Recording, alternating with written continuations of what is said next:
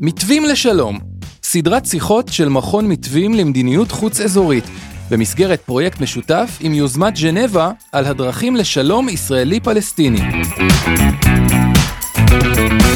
והפעם, איך הופכים את משברי האקלים והאנרגיה למקדמי שלום. שלום, אני מיכל גרף, מנהלת הפרויקט שמטרתו מציעה דרכים לשלום ישראלי-פלסטיני ורכזת קשרי הממשל של מכון מתווים. העולם היום מתמודד עם משברי אנרגיה ואקלים, שמאיימים על שלום האנושות. אבל ייתכן שדווקא הבעיות האלה יכולות להוביל להידוק קשרים בין גורמים הנתונים בסכסוך. המשברים חוצים גבולות, ולכן הם מביאים איתם פוטנציאל לשיתוף פעולה בין צדדים מסוכסכים, אפילו בהקשר של הסכסוך הישראלי-פלסטיני. בפרק הזה נדון בדרכים בהן ניתן לנצל את הצורך להתמודד עם משברי האקלים והאנרגיה, כדי לקדם מערכת יחסים מוגדרת טובה יותר, ובכך לקדם שלום בין ישראל והפלסטינים. במילים אחרות, יכול להיות שהשמש הקופחת והמים החמים בחוף הים באמצע אוגוסט, דווקא הם אלה שבסוף יביאו שלום.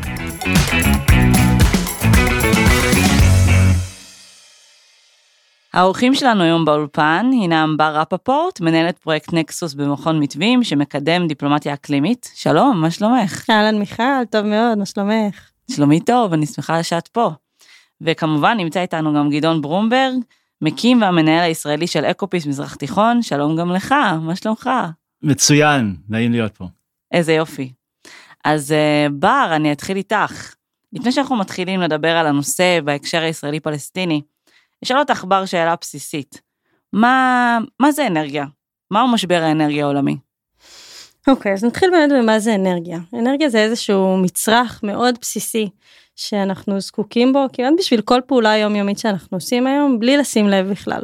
אנחנו חייבים את המזגן שלנו ביום uh, קיץ חם, אנרגיה משתמשת אותנו כדי להפעיל את המכונת כביסה, כדי לנסוע ממקום אחד למקום אחר, uh, אז אנחנו מקבלים בעצם אנרגיה uh, תחושת ביטחון הרבה פעמים, יכולת התניידות, תשתית לתקשורת, אנרגיה משמשת אותנו היום גם כדי להשיג מים או לטפל בשפכים שלנו. אה, ועוד חשוב להבין שאנרגיה זה איזשהו בסיס לקיום והתפתחות של חברה מודרנית. זאת אומרת, אה, תעשייה וחקלאות לא יכולים להתפתח אם משק האנרגיה אה, לא מקבל אספקה יציבה וסדירה. ואני אגיד עוד משהו על זה שהיום 84% מהאנרגיה בעולם, בעצם המקור שלה זה דלקים פוסיליים. שדלקים פוסיליים זה יכול להיות נפט, סולר, גז טבעי, ושריפה של דלקים האלה מביאה ל... אה, פליטה של גזי חממה ולהתחממות גלובלית ובעצם שריפת דלקים אחראית היום לבערך שני שליש מכלל פליטות גזי החממה בעולם. אמ, ובגלל זה יש איזושהי מגמה וניסיון לעבור לאנרגיות מתחדשות. אה, ובנוגע למה זה משבר האנרגיה העולמי אז אנחנו מדברים פה בעצם על אה, כשמדברים על משבר האנרגיה מדברים על, אה, על עלייה במחירי הדלקים האלה אותם דלקים שמשמשים אותנו לייצור אנרגיה. ראינו עלייה כזאת לא מזמן ב-2021 אפשר לייחס אותה גם למלחמה בין רוסיה לאוקראינה, גם לפגיעה ביכולת ייצור של אנרגיות מתחדשות בגלל שינויים במזג האוויר, למשל שינויים במשקעים הביאו לשינויים בהפקת אה, אנרגיה הידרואלקטרית וגם, אה, וגם למשבר הקורונה. מרתק. אה, גדעון, עכשיו גם לגביך, מה זה אקלים? מהו משבר האקלים העולמי? אז משבר האקלים, כפי שבר uh, התחילה לתאר, נובע מהתחממות uh, כדור הארץ. כאשר אנחנו פולטים יותר ויותר CO2, אז uh, כדור הארץ מתחומם, וזה לגמרי משנה לנו את כל מערכת מזג אוויר. זה לא, אנחנו לא רק מדברים על עלייה של הטמפרטורה, אנחנו גם פה נוגעים בירידה של משקיעים באזורים מסוימים של העולם, עלייה של משקיעים באזורים אחרים. המזג אוויר משתגע, ובסך הכל אנחנו רואים עלייה בטמפרטורות. פה במזרח התיכון העולם כזה קורא שיהיה אסון, ובאמת יהיה אסון, אם העלייה יגיע ל-1.5 אמ, אמ, מעלות מעבר לממוצע, אבל זה ממוצע גלובלית. אנחנו פה במזרח התיכון, אנחנו כבר בעצם עברנו את 1.5, העלייה של 1.5 מעלות, ואנחנו צופים להגיע לעוד 4 עלייה של עוד ארבע מעלות אה, בממוצע, וזה בעצם הופך את מזרח התיכון וחוף ים התיכון המזרחי לאולי אה, בלתי ניתן לחיות בו. אנחנו בעצם אה, רואים את הימים הקשים ביותר במפרט, מישהו שביקר באחרונה בדובאי או אבו דאבי בקיץ יודע שזה פשוט סכנה לשהות ובוודאי לעבוד בחוץ באמצע הקיץ.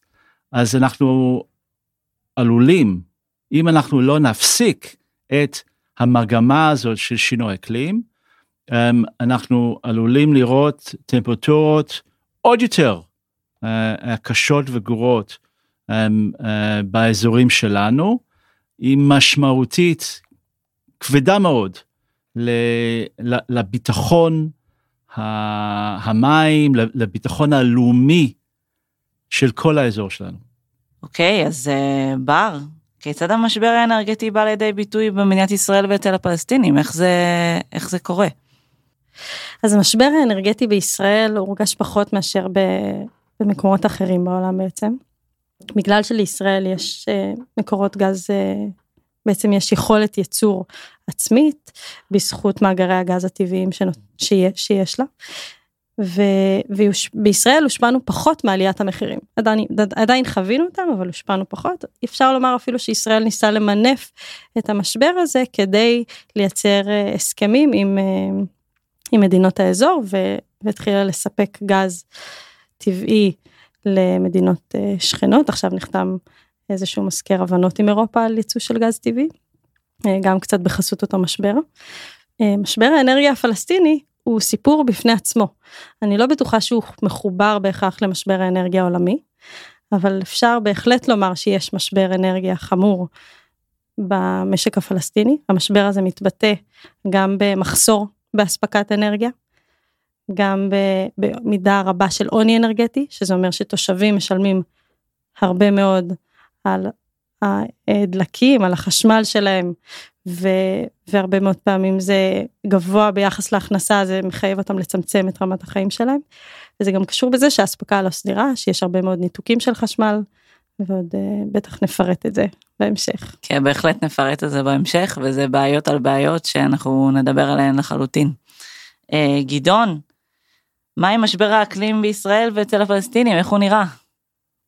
אז שוב, כמו שבר אמרה, ישראל, יש לה את היכולת להתמודד uh, uh, כנגד המשבר האקלים אולי יותר טוב מכל מדינה אחרת באזור, um, וזה בעיקר בגלל טכנולוגיה ישראלית, uh, ישראל המובילה בעולם בטיפול בשפכים ושימוש חוזר של קולחין לחקלאות.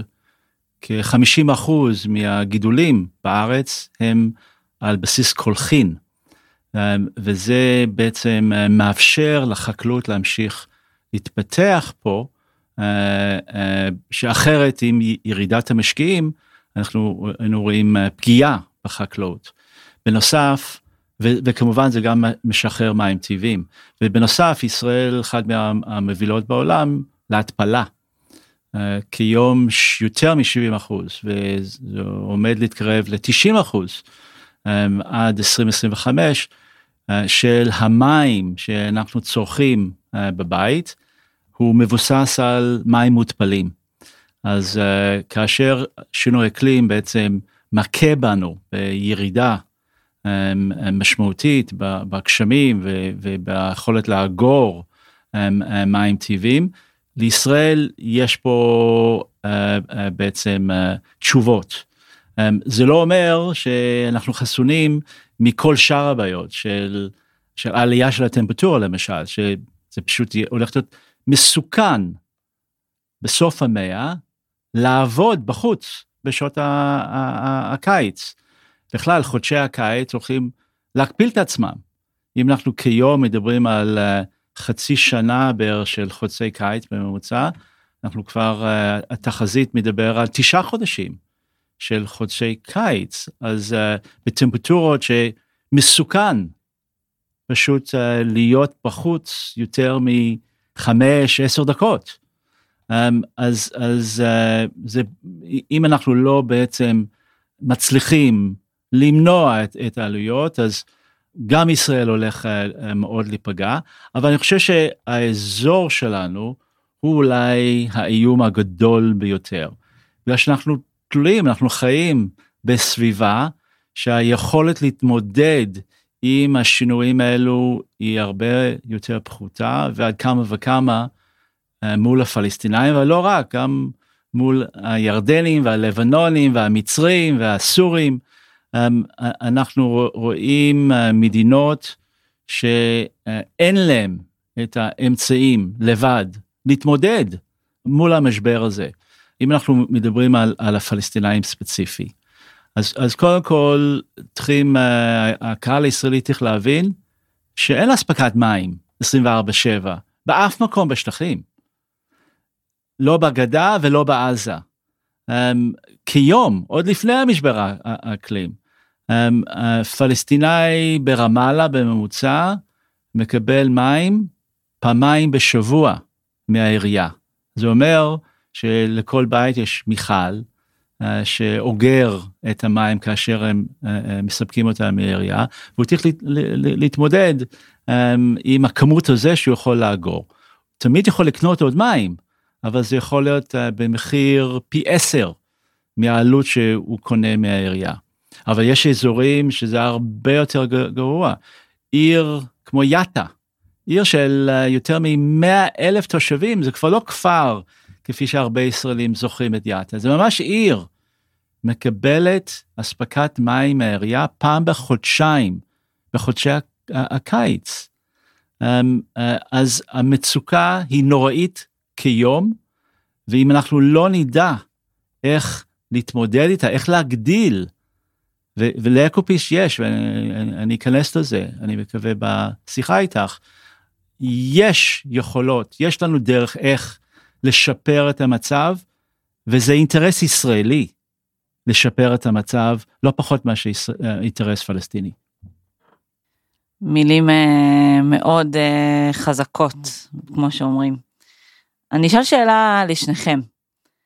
איך שני הנושאים הללו של משבר האקלים ומשבר האנרגיה משפיעים ומושפעים, אם בכלל, בסכסוך הישראלי-פלסטיני? אז באופן ישיר כמובן הסכסוך הישראלי פלסטיני הוא, הוא טריטוריאלי, הוא אדמה. אבל, אבל המשבר האנרגטי והמשבר האקלימי אה, מסכן את יציבות של הרשות אה, אה, ושל המצב בעזה. אנחנו כבר מספר שנים רואים הפגנות מול הרבה מאוד ערים בהגדה, שהתושבים אה, באים בטענה מול הרשות, שהם לא מקבלים את כמות המים המינימלי שהם צריכים, או uh, בגלל הפסקות החשמל שבר uh, דיברה עליו. Uh, גם בעזה, אנחנו ראינו הפגנות של התושבים מול חמאס, מול הרשויות שם בחמאס, אמ, אה, בעיקר אה, אה, בנושא של ביוב ו, ומים. אמ, אם אנחנו רואים את, את ההמשך עד אמצע המאה, עד סוף המאה, אז אין עתיד לחקלאות בגדה. ויש לזה משמעות מאוד כבדה ליציבות של אה, הרשות, אה, שבכל זאת הנושא החקלאי היא, היא, היא לא רק מספק מקומות עבודה, אבל לאוכלוסייה שהיא יחסית מאוד ענייה, הייצור הביתי או בשכונה של, של אוכל הוא הכרחי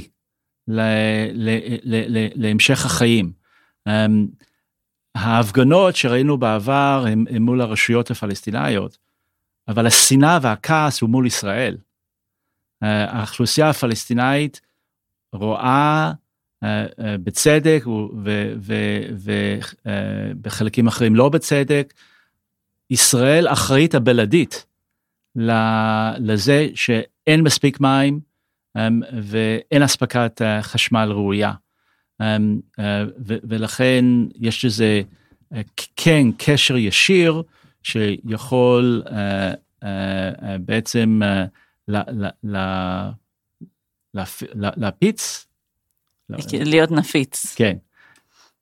יש איזה קשר ישיר, שזה יהיה הנושא הנפיץ um, uh, לעוד גל של התקוממות או אינתיפאדה, אינתיפאדה אקלים הוא בכלל uh, uh, uh, דבר שאנשי הביטחון חייבים היום להתייחס אליו. בר, מה איתך? אז קודם כל אני מאוד מסכימה עם גדעון, שזה בעצם אנרגיה, מים, זה צרכים שהם מאוד בסיסיים לקיום היומיומי והיומיומי של כל אחד ומשפיעים על רמת החיים של התושבים הפלסטינים וזה מייצר הרבה מאוד כעס ותסכול כלפי ישראל זה בעצם גם עוד מרחב ש, שיש בו ביטוי לכיבוש ולשליטה. אני אתייחס לעוד אה, שתי נקודות אני חושבת במשק החשמל שאם אנחנו שואלים איך בעצם אה, משק האנרגיה, החשמל מושפע מהסכסוך, אז אנחנו יכולים לראות שהיחסים בתחום האנרגיה בין הישראלים לפלסטינים ממש משקפים את מערכת היחסים בכללה. זאת אומרת, ישראל נמצאת פה באיזושהי שליטה מוחלטת במקורות האנרגיה, ביכולת של, ה, של הרשתות להתפתח, של התשתיות להתפתח. וישראל מספקת היום כמעט את כל האנרגיה לפלסטינים, 94 מהחשמל, 100 מהדלקים מגיעים מישראל, כשישראל לא מאפשרת לפלסטינים לקנות אנרגיה ממקורות אחרים. ו, ואז נוצרת איזושהי עובדה שישראל מייצרת. חברות אה, הולכה מקומיות פלסטיניות הן אלה שמספקות לתושבים. התשתיות מאוד ירודות ואין איזושהי תוכנית מרכזית אה, לפתח אותן. ו, ויש הרבה בעיות של גבייה. גם בגלל שלא בהכרח מתקינים מונים, בגלל שהרשת כל כך מסועפת ולא מסודרת, גם בגלל שהיא מיושנת ויש הפסדי הולכה, והרבה בגלל שאין אינטרס מספיק לגבות את התשלום על החשמל, כי אה, בעצם לא, חברות, בכל מקרה יגיע החשמל. אה, אז אין, אין באמת אינטרס לגבות ונוצר חוב מאוד אה, גבוה כלפי חברת החשמל לישראל, לדעתי פעם אחרונה שבדקתי הוא עמד על 1.7 מיליארד ש"ח. ו, ואז התושבים בעצם, אם אנחנו בוחנים איך זה משפיע על הסכסוך, אז זה מייצר, אנחנו יכולים לראות גם בגדה וגם uh, בעזה הרבה מאוד הפסקות חשמל. חלקן קשורות לזה שהתשתיות לא מספיק מפותחות, אז אין מספיק קיבולת להכיל את זה שהאוכלוסייה גדלה והם צור, צורכים יותר אנרגיה. חלקן קשורות לסנקציות, על זה מין ענישה קולקטיבית על זה שלא משלמים את אה, חשבונות החשמל.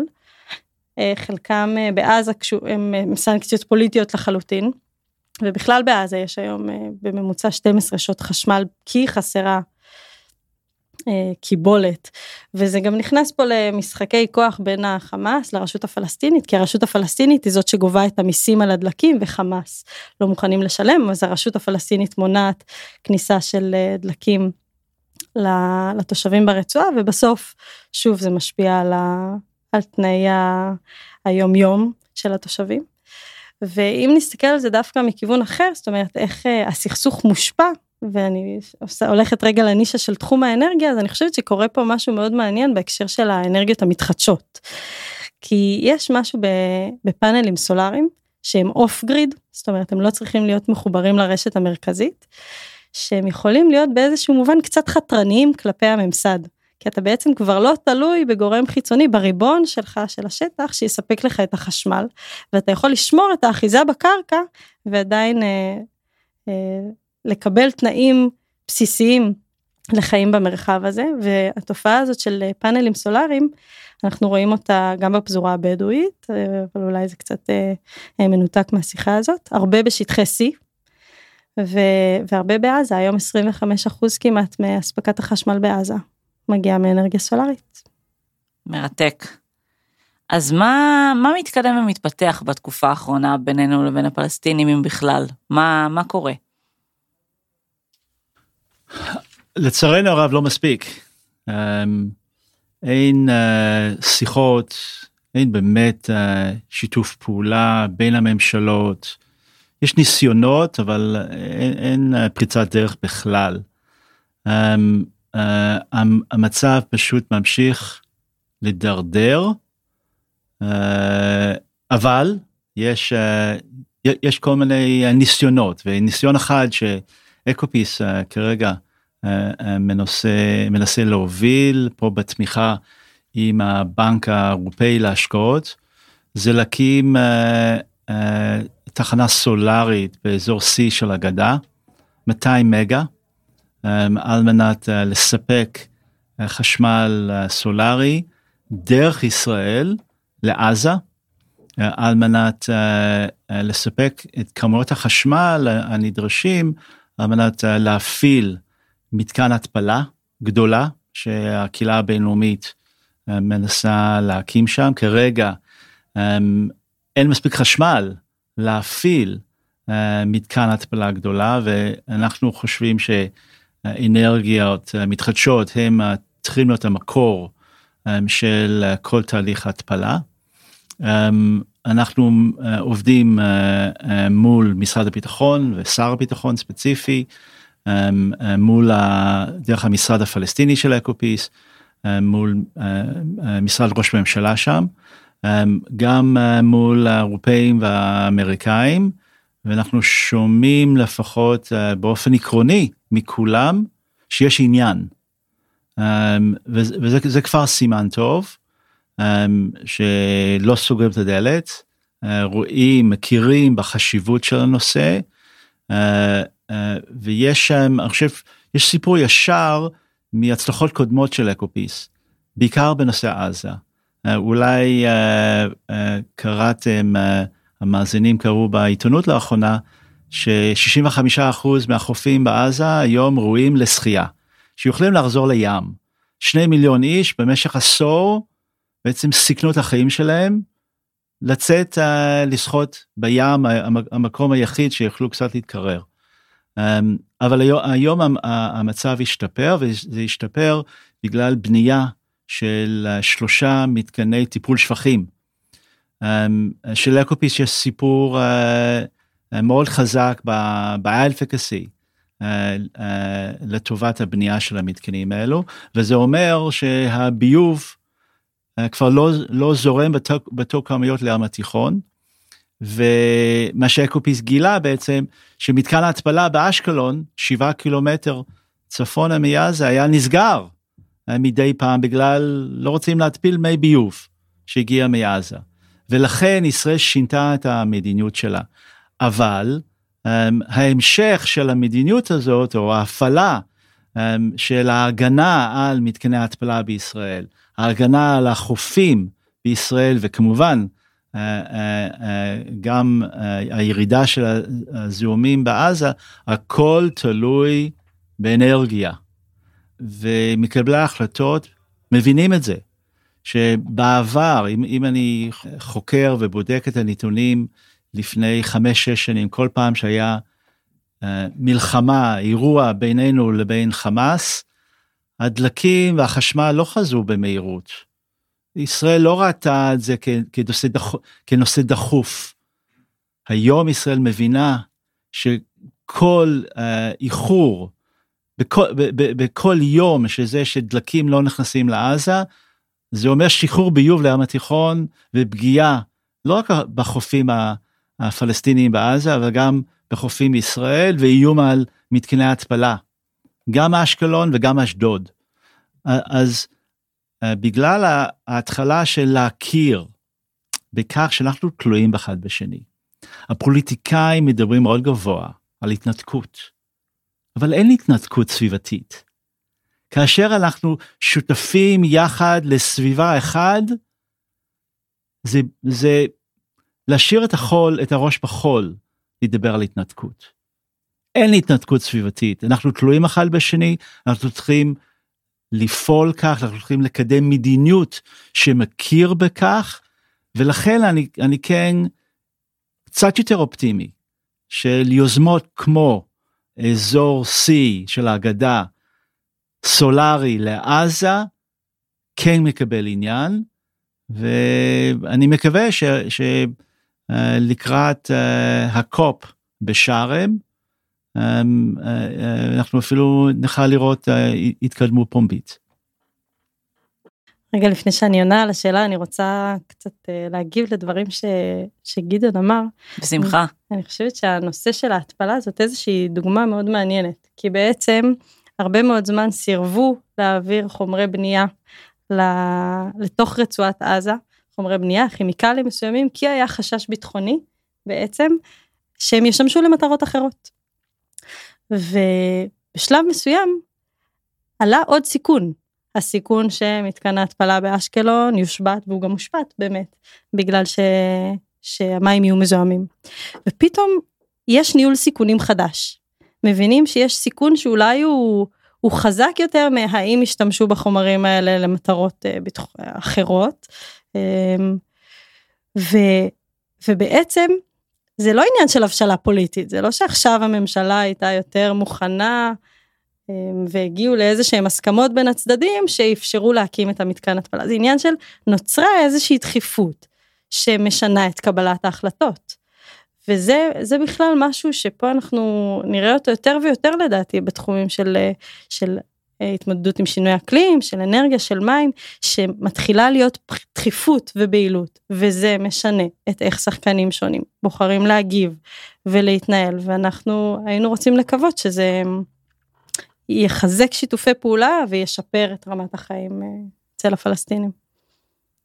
אז איך יום יום פלסטיני נראה זאת אומרת, עם כל הקשיים הללו וגם במשבר האקלים, גם במשבר האנרגיה, איך יום של פלסטיני נראה בגדה ובעזה? אז זה מאוד שונה, זה מאוד אה, נקודתי, בגלל שאין מערכת אחת של אספקת מים, למשל, בגדה. אז אה, ערים שיש להם מקור של מי תהום, אה, קרוב אליהם עם אה, שפע של מים, נהנים משפע של מים. אז אה, יריחו, טול כרם, קלקיליה, הם יחסית, יש להם שפע של מים וגם עלות המים מאוד זול, אבל כאשר מגיעים לאזורים אחרים, בעיקר על ההר, אז ג'נין, שכם, חברון, דרום הר חברון יש פה מציאות אחרת לגמרי של חוסר. אה, של אספקה של אה, של קנייה שכמות המים שאתה מקבל מהעירייה הוא לא יספיק לך. אה, לטוש שבוע או שבועיים או חודש או חודשיים עד שאתה תראה אספקה נוספת של העירייה ואתה חייב להזמין מכלי מים ולשלם יקר אתה אה, אה, יכול אה, לשלם אחוזים גבוהים של הכנסה שלך רק עבור אספקת מים. בעזה זה שונה לגמרי, בעזה כשאתה פותח את הברז יש מים 24/7 רק אסור לך לשתות את המים האלו ואסור לך לבשל עם המים האלו. הם מאוד מאוד מלוכים.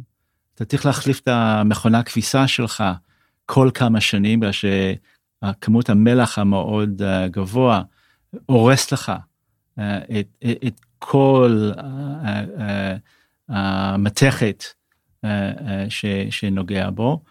אמ, אתה חייב לעמוד בתור ולמלות ג'ריקנים ממתקנים קטנים של התפלה שהקהילה הבינלאומית בנתה.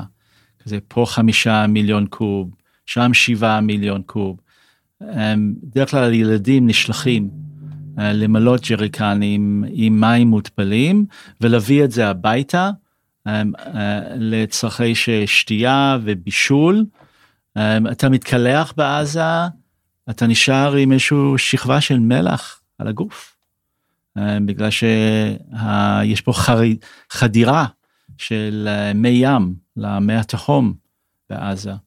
אז התושבים וכמו שבר אה, אמרה גם בנושא חשמל 12 אמ, שעות אה, בעזה היום זה נהדר לעומת כן זה טוב לעומת 3-4 שעות בעבר כן בלב uh, מלחמות ואירועים זה, זה נמשך חודשים רבות של 3-4 uh, שעות של חשמל בלבד באמצע הקיץ. Um, לאקופיס uh, יש עובדים גם בעזה וגם בגדה בימים שמספקים את המים לבית, אה, אחוז מאוד גבוה של העובדים שלנו לא יבואו לעבודה.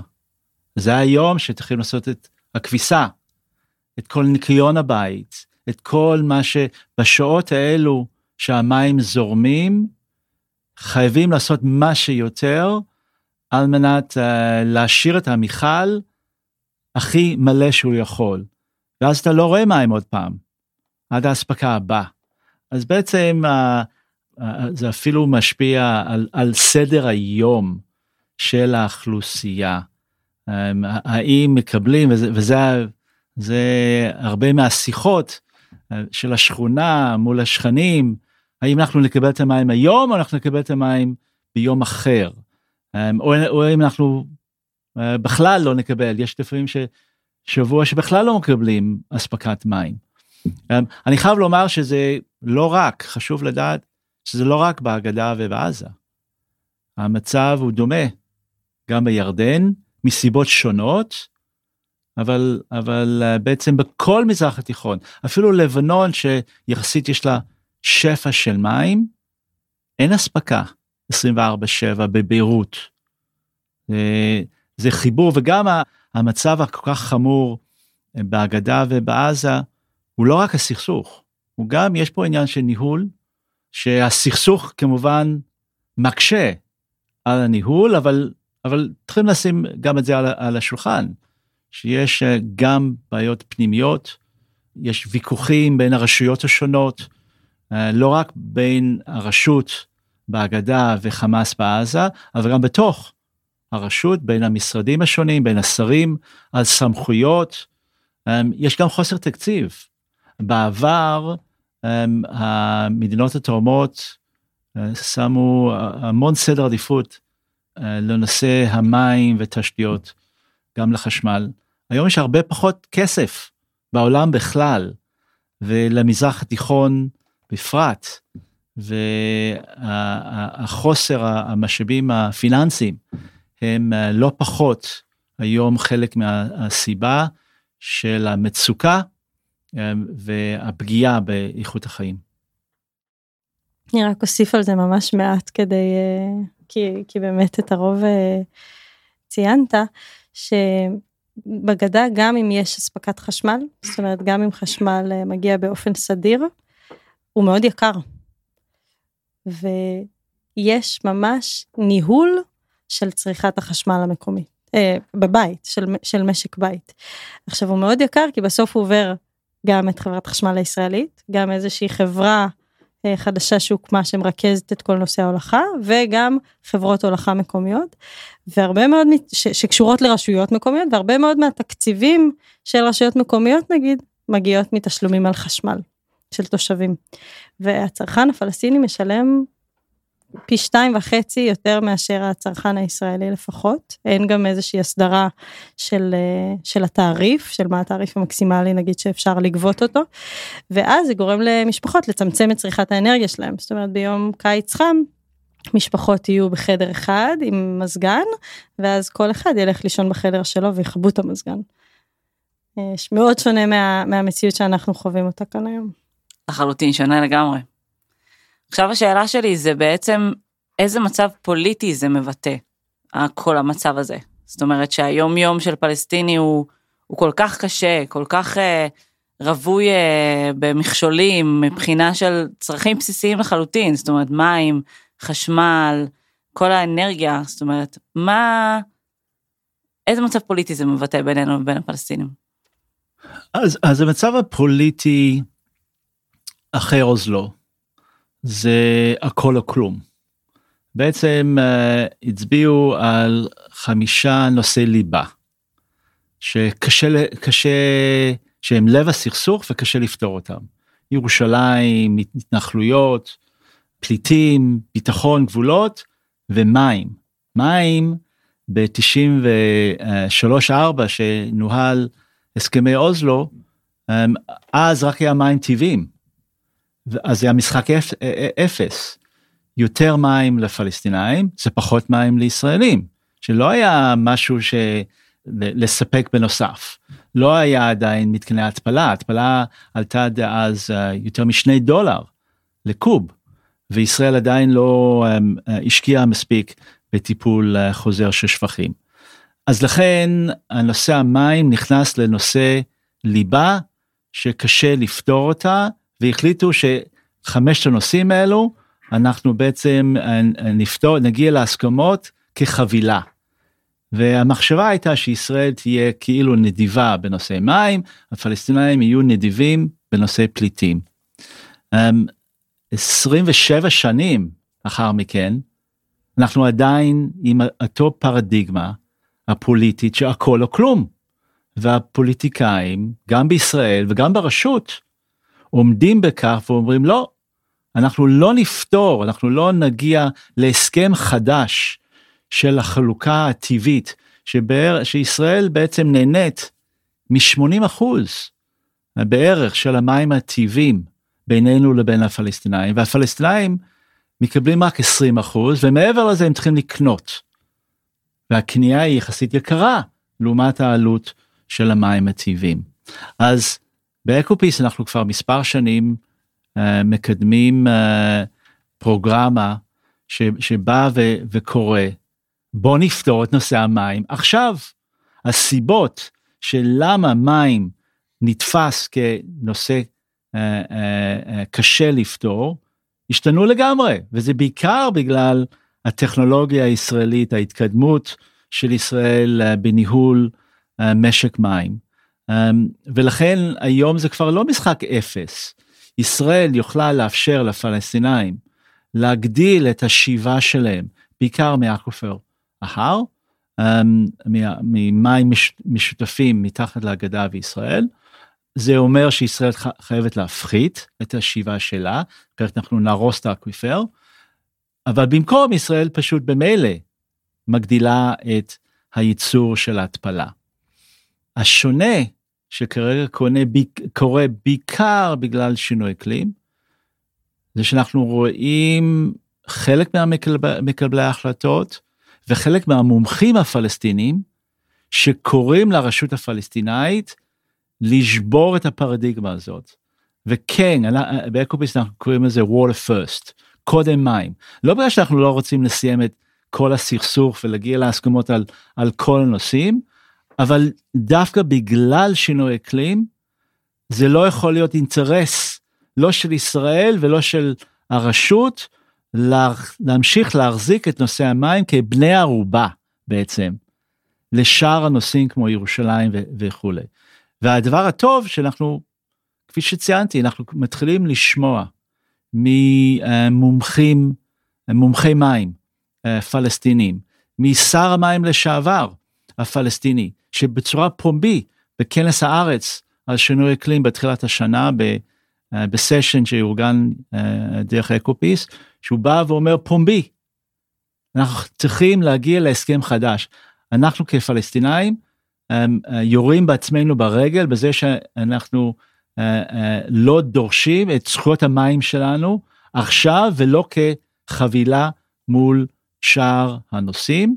ואני חושב שאם השינוי התפיסתי שראינו uh, uh, בין ישראל מול עזה, שאנחנו תלויים אחד בשני ואנחנו חייבים כן לתת למשל למלט לזרום לעזה, אפילו אם אנחנו יודעים שחמאס גונב חלק מהמלט לבנות מנהרות, אבל אם אנחנו לא מכניסים מלט, אז, אז אין טיפול בשפכים, אין הקמה של אה, מתקני התפלה בעזה, וזה פוגע לנו באינטרס ביטחוני אחר, לא פחות חשוב. אז עם ההבנה הזאת ששינוי אקלים עוד יותר מגביר את התלות ההדדית, אנחנו כן מקווים שאנחנו גם uh, נראה, ואני קורא לממשלת ישראל uh, לפתוח, לשחרר את הנושא המים, שאנחנו כן היום יכולים לפתור מכל שאר נושא הליבה. אני, אני בעיקר מנסה לחזור לשאלה כזה נסחפתי עם שיתף הדיבור של גדעון עם מחשבות על מה שאמר אבל אני מנסה רגע לחזור לשאלה של איזה מצב פוליטי בעצם מערכת היחסים הזאת מבטאת של שליטה של צד אחד במקורות או בשירותים מאוד בסיסיים של צד אחר. של יחסי תלות ופגיעות שהם מאוד לא שוויוניים. ו, ובסוף גם אין משא ומתן מדיני כבר הרבה מאוד שנים. וזה, ומערכת, נוצרה מין מערכת יחסים שבה לישראל נוח להגיד שאין פרטנר, אין אה, שותף פלסטיני. ואם היא עושה פעולות גם לטובת האוכלוסייה זה הרבה פעמים פעולות חד צדדיות שלא בהכרח מתואמות עם הצד השני ונותנות איזשהו קרדיט. והפלסטינים נמצאים באיזשהו מתח בין אה, רצון לפתור סוגיות אה, דחופות לבין חשש משיתוף פעולה עם, ה, אה, עם הישראלים, נו, לעשות נורמליזציה של הכיבוש, ו, וזה משאיר הרבה מאוד דברים בסטטוס קוו ש, שאנחנו תקועים בו כבר, אה, כבר כמה שנים. אחד הדברים ש, שאותי מאוד הפתיעו זה שלמשל אין שום קשר בין משרד האנרגיה הישראלי לבין סמכויות האנרגיה ברשות הפלסטינית. כל הקשר של סמכויות האנרגיה הפלסטיניות הוא מול המינהל האזרחי, מול קמ"ט אנרגיה שם. ברגע שאין קשר בין המשרדים האלה, איזה חשיבה משותפת אפשר לעשות, איזה תוכניות ארוכ, ארוכות טווח אפשר לייצר. זה, זה, זה הרגיש לי כל כך בסיסי אז, אז זה בהחלט מבטא את, ה, את המצב הפוליטי שבו אנחנו שותפים שכנים אבל יש נתק מוחלט ב, במישור המדיני בחברה האזרחית כמו שגדעון תיאר יש הרבה מאוד אה, הרבה מאוד יוזמות שמגיעות מהשטח והרבה מאוד רעיונות וניסיונות לשיתוף פעולה ודברים מעוררי השראה אבל במישור המדיני אנחנו נמצאים פה באיזשהו קיפאון. אז בעצם אה, בר אם נמשיך את זה המדיניות אנרגיה של ישראל בתקופה הנוכחית לא כוללת את הפלסטינים? זאת אומרת, אין שום ניסיון לשיתוף פעולה? תראי, כשמסתכלים על, אה, על תוכנית למשק האנרגיה ל-2050, אז כמובן שמתחילים לדבר על איפוס פליטות ועל אה, משק אנרגיה שמבוסס על אנרגיות נקיות ומתחדשות, ועל איך מייצרים איזשהו מעבר נכון והדרגתי לשם. אני חושבת שגם מדברים יותר ויותר על שיתופי פעולה אזוריים, ועל חיזוק הקשרים של ישראל במזרח התיכון ועם אירופה. אמ, ובהקשר הפלסטיני, לדעתי יש הבנה שמדובר במשק אנרגיה אחד. זאת אומרת בסוף ישראל היא אנרגטי, בתוכה הפלסטינים אנחנו אנחנו שלובים הרשת שלובה הרשת הכל מחובר אז זה לא משהו שמחר בבוקר אפשר לנתק אותו ואני גם לא בטוחה שאנחנו רוצים שרוצים לנתק אותו כי בסוף יש הבנה היום שלחיבוריות יש הרבה מאוד ערך ביצירת ביטחון אנרגטי. אז אמ, אז אז שוב מדיניות האנרגיה של ישראל היא כן אה, לראות את עצמה מחוברת לרשת האזורית כמה המדיניות הזאת מתייחסת לפלסטינים היום אני לא יודעת להגיד אבל אבל תכנון משק החשמל לוקח בחשבון עדיין אספקת חשמל לפלסטינים ובשאיפה גם יש אה, תוכנית של המינהל האזרחי להכניס גז טבעי ליהודה ושומרון.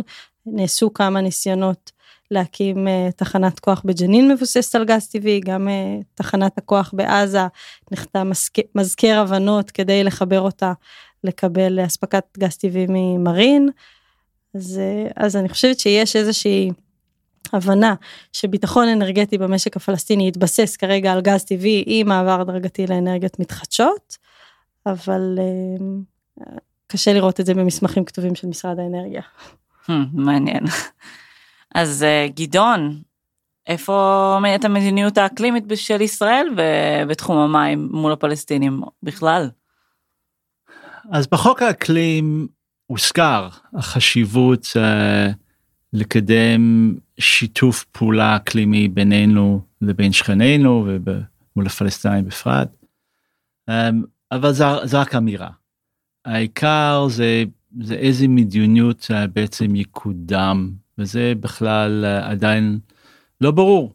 Um, uh, המצב שכפי שתיארתי כמעט יש נתק למרות הממשלה החדשה ומי שעומדת אה, כשרה להגנת הסביבה עם הדעות הפוליטיות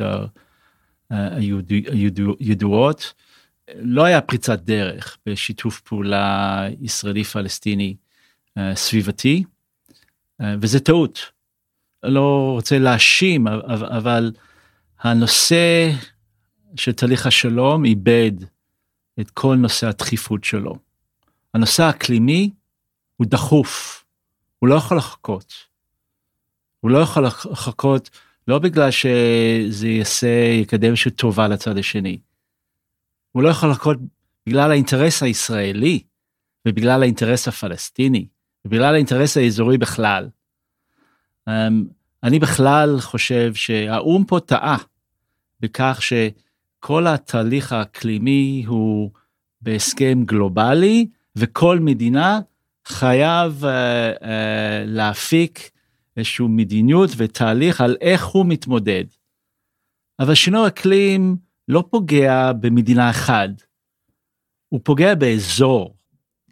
מה צופן העתיד אם ישראל והפלסטינים לא הגיעו להסכמים בתחומים האלה? הרי בלי זה העתיד שלנו לוט בערפל בעצם. אם, אם אנחנו לא, אמ, למשל, אם אנחנו לא היום uh, במהירות נתחיל להתקדם בהסכם חדש בחלוקת המים הטבעיים בינינו לבין הפלסטינאים, אנחנו uh, נראה המשך uh, של מצוקת מים שמאיים על היציבות של האזור. אנחנו עלולים לראות אינתיפאדה אקלימי רבע שעה מתל אביב לכיוון מזרח ושעה אה, דרומה אה, לכיוון עזה, זה לא אינטרס ישראלי. ועד כמה וכמה אה, כאשר ישראל היא מעצמה טכנולוגית עם פתרונות לנושאים האלו, ההפך, להתקדם בנושאים האלו מול הפלסטיני, היא אינטרס ישראלי בילטרלי, אבל גם uh, אזורי ועולמי, שבא ויכול להראות. Uh, בר אמרה שבקודם שאין פרטנר, או, זו התפיסה. Um, אם אנחנו רואים שיש פרטנר בנושא מים, בנושא מתחדשות, בנושא אקלימי, אז אין שום סיבה שלא יהיה פרטנר לכל שאר הנושאים. דרך האיום המשותף הזה אנחנו יש לנו הזדמנות אה, להתקדם באמונה. והחוסר האמונה היא אה, אה, נושא שמאוד מונע התקדמות. אין לנו אפשרות אחרת מאשר להתקדם אנחנו יכולים להתחיל לבנות מחדש את האמונה ההדדית בנושא אקלימי ולפרוץ דרך. אני מקווה לכל שאר הנושאים. אז אתה מאמין שמשבר האקלים יכול להיות זרז לקידום שלום ישראלי-פלסטיני? אני מאמין בכך, אני, אני קודם כל אה, חושב שהנושא האקלימי הוא מחייב את השיתוף הפעולה בנושאים האלו. אמ, אה, והניסיון, יש לי ניסיון של 30 שנה, כאשר אה, בונים אימון בנושא אחד, הוא לא נשאר שם. יכולים לנצל אותו לעוד נושאים, להרחיב את האימון. וזה ההזדמנות.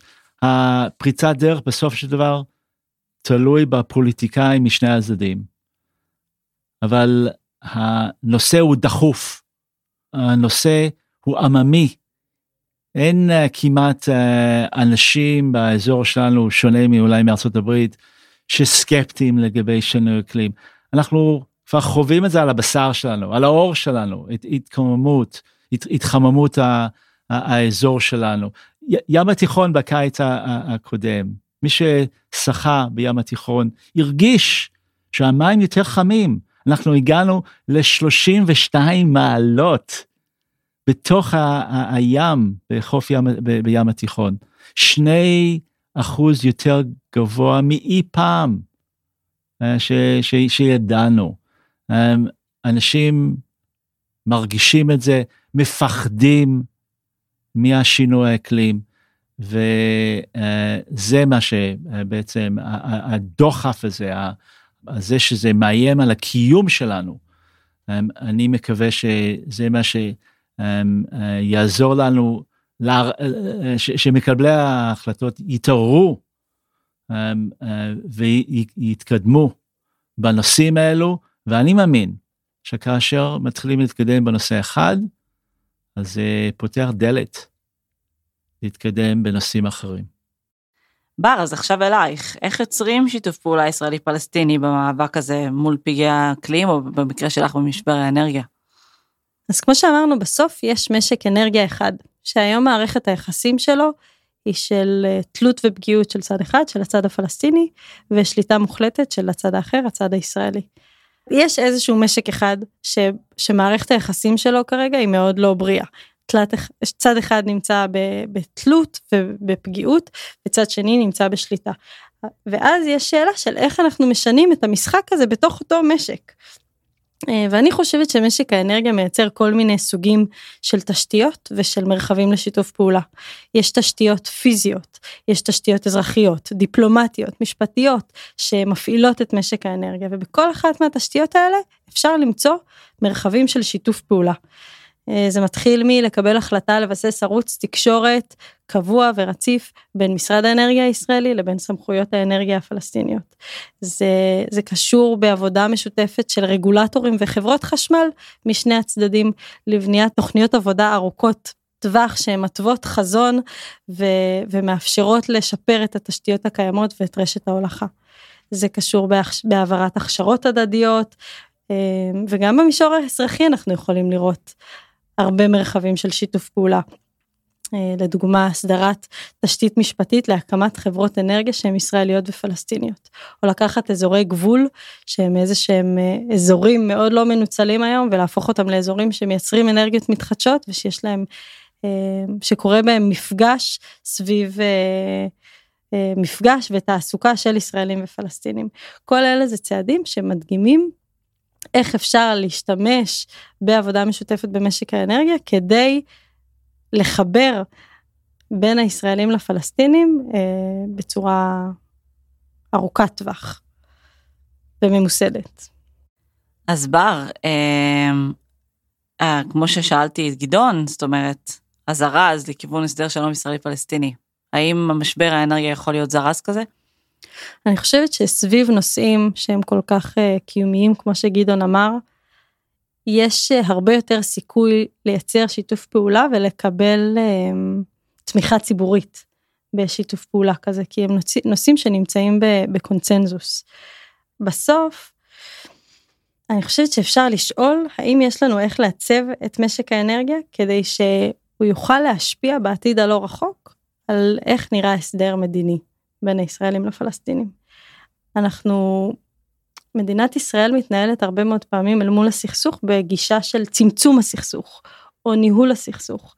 ודווקא פה הייתי רוצה להציע איזושהי הסתכלות אחרת של לעצב את משק האנרגיה ואת שיתופי הפעולה האנרגטיים בצורה שהם, שהם יהיו לאור תמונת העתיד הרצויה של חיי שלום. אה, עיצוב המבנה, היחסים, המערך החוקי והרגולטורי יכולים להיות איזשהו אה, מנוע ותשתית לתהליך מדיני. ו... ואני רוצה להאמין שעבודה שהיא כמה שיותר שוויונית ומשותפת, כמו שגדעון אמר, היא בסיס לבניית אמון ומערכת יחסים מטיבה. נוהגים לחלק את זה אה, יש מתייחסים הרבה פעמים להבדל בין בניית שלום לעשיית שלום בניית שלום זה כל ה... אה, לבנות את התשתיות שמכינות את הקרקע לקראת הסכם שלום עתידי אז יש פה הרבה מאוד אה, עבודה של בניית שלום צריך להבין שגם כשיחתם הסכם שלום יש הרבה מאוד עבודה אחר כך של לייצר מערכת יחסים בריאה אה, וטובה בין הצדדים ו... ואם אפשר כמה שיותר להכין את הקרקע הזאת להכין את הקרקע הזאת כמה שיותר מוקדם אז מה מה טוב. עוד דבר ש... שאני רוצה להוסיף זה שבסוף לדעתי ישראל צריכה לחזור לשולחן המשא ומתן עם הפלסטינים לראות בהם שותף שווה ל... אמ, לתהליך שלום ולהסדר מדיני ושיש הרבה מאוד פעולות גם בהתמודדות מול משבר האקלים שישראל תתקשה לעשות בלי שהיא פותרת את, ה... את הסוגיה הזאת. מסכימה עם כל מילה. אז אה, גדעון, תודה רבה. גדעון כמובן המנהל הישראלי של אקופיס מזרח תיכון. אה, תודה רבה לך שהיית איתנו. תודה רבה לכם ואני אה, מקווה להמשיך לעבוד יחד ולהתראיין יחד עם בר על הנושאים החשובים האלו. אז בר, תודה גם לך. בר היא מנהלת פרויקט נקסוס במכון מתווים שמקדם דיפלומטיה אקלימית. תודה רבה שגם היית איתנו. תודה מיכל. אתם מוזמנים לעקוב אחרי מכון מתווים בטוויטר ובפייסבוק, וכמובן גם לעקוב אחרי יוזמת ג'נבה לעדכונים נוספים ולפרק הבא.